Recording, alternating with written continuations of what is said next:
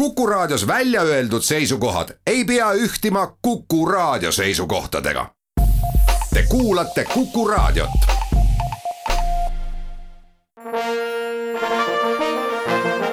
Vanemuise veerand. tere kõigile teile, head Kuku Raadio kuulajad. nädal tagasi Vanemuise veerandit lõpetades ma avaldasin lootust, et sel nädalal on saates külas lavastaja Karl Laumets mõned ootused, mõned lootused on sellised, mis täituvad. tere, Karl Laumets! tere! mina olen saatejuht Tiia Rööp. selle nädala laupäeval, kuuendal novembril esietendub Sadama teatris Brehti Galilei elu. kui vaadata sinu eelnevaid lavastusi Vanemuise teatris, suured nimed ja, ja märgilised tekstid Kalevipoeg Kreutzwaldilt, Ibseni Peer Künt, see lavastus sündis koostöös Ugala teatriga suvel Orwell ja tuhat üheksasada kaheksakümmend neli, Brecht ja Galilei elu sobitub väga hästi sellesse nimekirja. see nimekiri on sinu lavastustest veidi kallutatud, ma jätsin välja need tööd, mida sa oled teinud väljaspool Vanemuist. kui Vanemuine pakub sulle lavastamisvõimalust, kas sa võtad siis sellest alati maksimumi? muidugi ja ma ju Vanemuise teatri lavastajana, palgalise lavastajana on Tiit Palu, meie draamajuht, on äh, selle koha pealt andnud väga vabad käed teha seda, mida sa ise tahad. ja kui ma selle ideega tulin, et teha Brehti Galilei elu, siis äh, Tiit Palu ütles, et mis saab äh, tal selle vastu olla, kui inimene tahab sellist materjali teha, et selle koha pealt on Vanemuine alati olnud väga-väga vastutulelik. Galilei elu on Eestis ainult üks kord varem lavastatud. võib-olla on märgiline seegi, et seda tehti kuuskümmend aastat tagasi Vanemuise teatris. Kaarel Ird oli lavastaja ja peaosas mängis Helen Peep. Galilei elu võib küll öelda, et ei ole Brehti see kõige-kõige kuulsam näidend. on rohkem lavastatud tekste aga siiski mind veidi üllatab, miks seda ei ole Eestis kuuekümne aasta jooksul rohkem lavastatud see on hea küsimus, ma arvan, et äh, ta on väga mahukas materjal, ta on äh, kirjutatud ajaloolise draamana, väga palju kostüüme, väga palju tegelasi, ma arvan, et see tegelaste nimistu on umbes nelikümmend seitse või ma ei tea, kui palju seal täpselt on, kui äh, minna originaali järgi. ja kui meil algselt oli idee teha seda Vanemuise väikeses majas isegi, aga pärast hooaega kokku pannes jäime hoopis Sadama teatri juurde siis äh, see nõudis nii-öelda nutikamat äh, lahendust selle materjali lavale toomiseks. et me ei saa Sadama teatris äh, noh, teha selliseid paavsti suured kostüümid, ajaloolised kõik kardinalid ja nii edasi ja me jõudsime Kristjan Suitsuga teistsuguse kontseptsioonini jah, võib-olla on, võib-olla on see olnud see hirmutav element, et on tõesti väga-väga mahuka materjaliga tegemist. me oleme seda ka natukene lühendanud, kärpinud just selle järgi, et kuna me ei ole kinni selles ajaloolises ajas, vaid oleme toonud selle tinglikumasse aega, kaasaega, siis äh, meil jah, selliseid ajaloolisi kostüüme ei ole. Sa nimetasid ära kunstniku Kristjan Suitsuga oled sa varem ka koostööd teinud, mitmes lavastus see on? oh, ma ei oska isegi öelda, ma arvan, et et vaata, et kõik. vaata, et kõik jah, mul on, võib-olla ongi ainult äh, üks lavastus, mida ma ei ole Kristjaniga teinud, et alates Kalevipojast põhimõtteliselt iga lavastus ja see koostöö on iga korraga üha viljakam ja üha rõõmustavam ja on tõesti tõeline õnn, et me oleme üksteist leidnud, ma arvan, ja jätkame koostööd edaspidi. nii nagu eluski, nii ka selles Brehti kirja pandud loos Galilei taganeb oma õpetusest ja nii nagu eluski, on teda süüdistatud reetmises, on teda süüdistatud ka võib-olla arguses. see käitumine, kuidas Galilei käitus elus ja see, kuidas ta käitub näidendis, on see argus, on see reetmine või on see targa inimese valik? mis teeb Galileist ka sellise kangelase, kes on kaasaelatav just selle kaudu, et ta on inimene, ta on inimlik ja tal on omad inimlikud nõrkused see, et ta on üldse sellisesse olukorda sattunud, kus teda ähvardatakse piinariistadega, füüsilise valuga, et ta oma õpetusest taganeks, see on ebanormaalne olukord, sellist olukorda ei tohiks olla, et ta sattus inkvisitsiooni kohtu ette ja näidendi järgi Galilei taganes, sest et ta kartis füüsilist valu, mis on surmahirm, mis on väga inimlik. Ma arvan, et ka tarkus selle koha pealt võib äh, seda pidada tarkuseks, et on olemas elupühaduse reegel, võib-olla ütleks mina, et äh, mis on kõige püham ja kõige väärtuslikum, on elu ise, mille vastu ei, ei tohi eksida.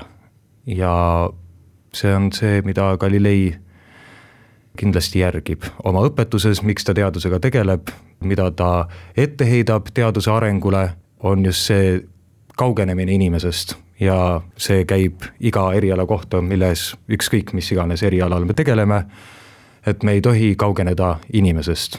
kui see läheb lihtsalt teaduse tegemiseks teaduse pärast, siis selle tagajärjed võivad olla monstrumid, mis sünnivad. nii et eh, ma võin juurde veel lisada, et eh, mina seda kindlasti Galilei taganemist oma õpetusest arguseks ei peaks ja ei pea.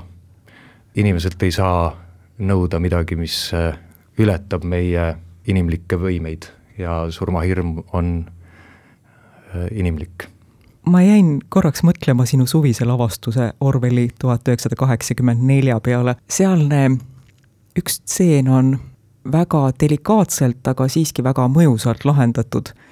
kas selles lavastuses Galilei elu Galilei Hannes Kaljujärvena on inkvisitsiooni küüsis ja meile näidatakse seda.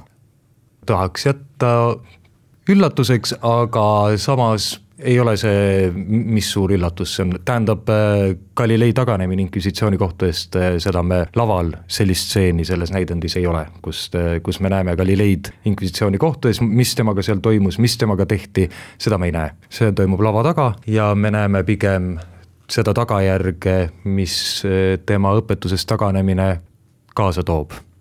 ja see on siis see, mis, mida me näeme laval lahti mängituna. Vanemuise veerand. Vanemuise veerand läheb edasi. kuku raadio stuudios on lavastaja Karl Laumets ja saatejuht Tiiu Rööp. nagu öeldud, Hannes Kaljujärv on Galilei rollis ma veidi värskendasin oma lugemiselamust, kes soovib lugeda Galilei elu teksti, siis Loomingu Raamatukogus on see ilmunud tuhat üheksasada seitsekümmend. osatäitjaid on tõesti palju, seal neljakümne viie juures hakkas mul juba segamini minema, nii et neid on tõesti ohtralt. aga kui ma lugesin Brehti näidendit, siis ma teadsin, et Hannes Kaljujärv mängib Galileid. ja mulle tundus ta ainuõige valikuna. ta hakkas niivõrd kaasa resoneeruma ütle, mis oleks siis juhtunud, kui Hannes Kaljujärv oleks öelnud sulle, et ma ei mängi Galileid?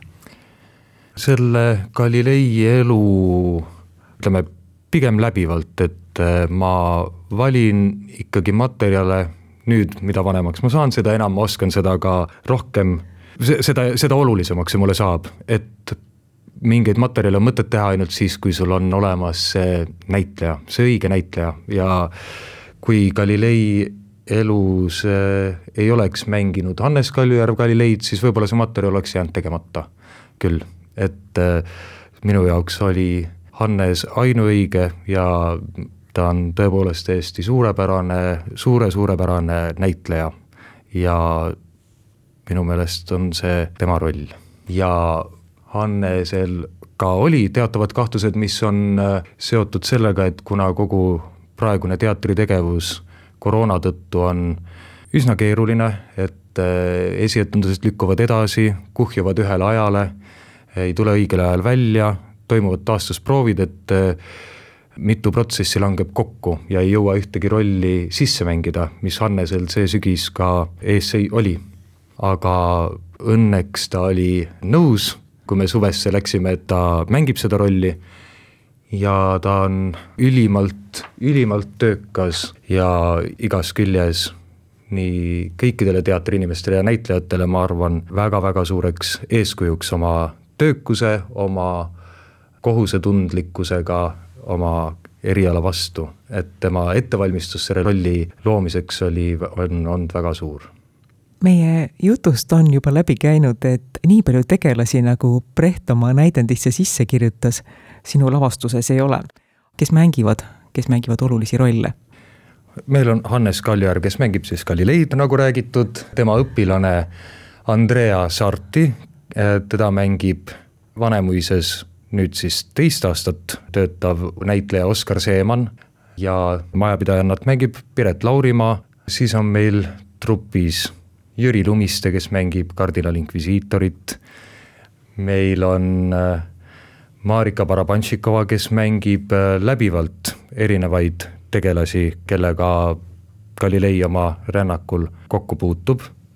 meil on äh, Aivar Tommingas, Robert Annus, Priit Strandberg, Maarja Johanna Mägi, kes mängib Galilei tütart ja Kaarel Poga ma väga loodan, et ma nüüd äh, ühtegi näitlejat, ja Karol Kuntsel, oh jumal, tõesti loodan, et ühtegi näitlejat äh, ei, meelest praegu ei jäänud, ei ole ka üles kirjutatud kuskil, aga meil on jah, koondunud niimoodi, et on Galilei lähedased, kelleks on Hannes Kaljujärv, Piret Laurimaa, Maarja-Johanna Mägi, Kaarel Poga, Marika Vorobantšikova, Oskar Seeman ja teised näitlejad mängivad siis nii-öelda massi, kes on siis anonüümsemad tegelased, aga selliste sümboolsete kostüümi muutustega esindavad erinevaid organeid või erinevaid, erinevaid inimrühmi, kellega Galilei kokku puutub. meil on näitlejatest veel nimetamata Veiko Porkanen ja Riho Kütsar. ja Riho Kütsar, jumal küll, Riho Kütsar, kes on jumal tänatud jällegi peaaegu igas lavastuses, mis ma olen teinud ja, ja taaskord suurepärane koostöö. ja Riho Kütsar, noh, see ei ole nüüd tõesti, see on minu enda mälu puudulikkus, et äh, nii on. millest on Galilei lugu, kas see on ühe inimese elust või on see sellest, kuidas ühiskond käitub ühe inimesega või meie kõigiga? ma ütleks, et äh, need on seotud see on äh, ühe inimese elust, see on Galileist ja tema õpetusest taganemisest, tema tõe eest võitlemisest ja samal ajal me näeme seda, kuidas needsamad õpetused, mis Galilei avaldab, jõuavad rahvani ja mida rahvas sellest äh, ise välja võtab. Mis on äh, selle loo juures väga oluline, et ei võeta mitte neid progressiivseid edasiviivaid teaduslikke avastusi, mis äh, võiksid meie elu paremaks muuta. noh, sellised asjad alati seavad ju nõudmised, kuna see tähendab, Galilei õpetus tähendab kogu senise olemasoleva süsteemi ümberkorraldamist, mis siiamaani on kehtinud ja kogu see süsteem kukuks kokku, seetõttu siis võimulolijad võitlevad sellele vastu ja püüavad äh, igakülgselt seda tagasi hoida.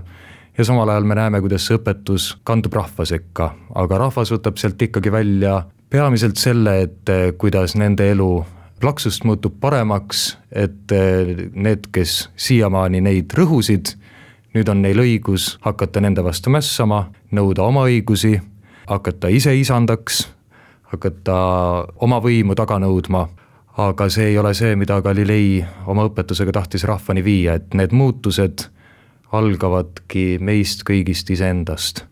see on see, mida Galilei õpetus, mis seab nii-öelda raskuse igale inimesele ise, et ta usub inimese mõistusesse, ta teeb äh, oma uute avastustega, kummutades siiani kehtivaid tõdesid, teeb inimestest kahtlejad, meil ei ole võimalik äh, alati täit tõde teada, aga meil on võimalik saada vähemalt targemaks ja kummutada valesid arusaamu ja läbi sellise protsessi ise selleni jõudes peame me jõudma selle tõeni.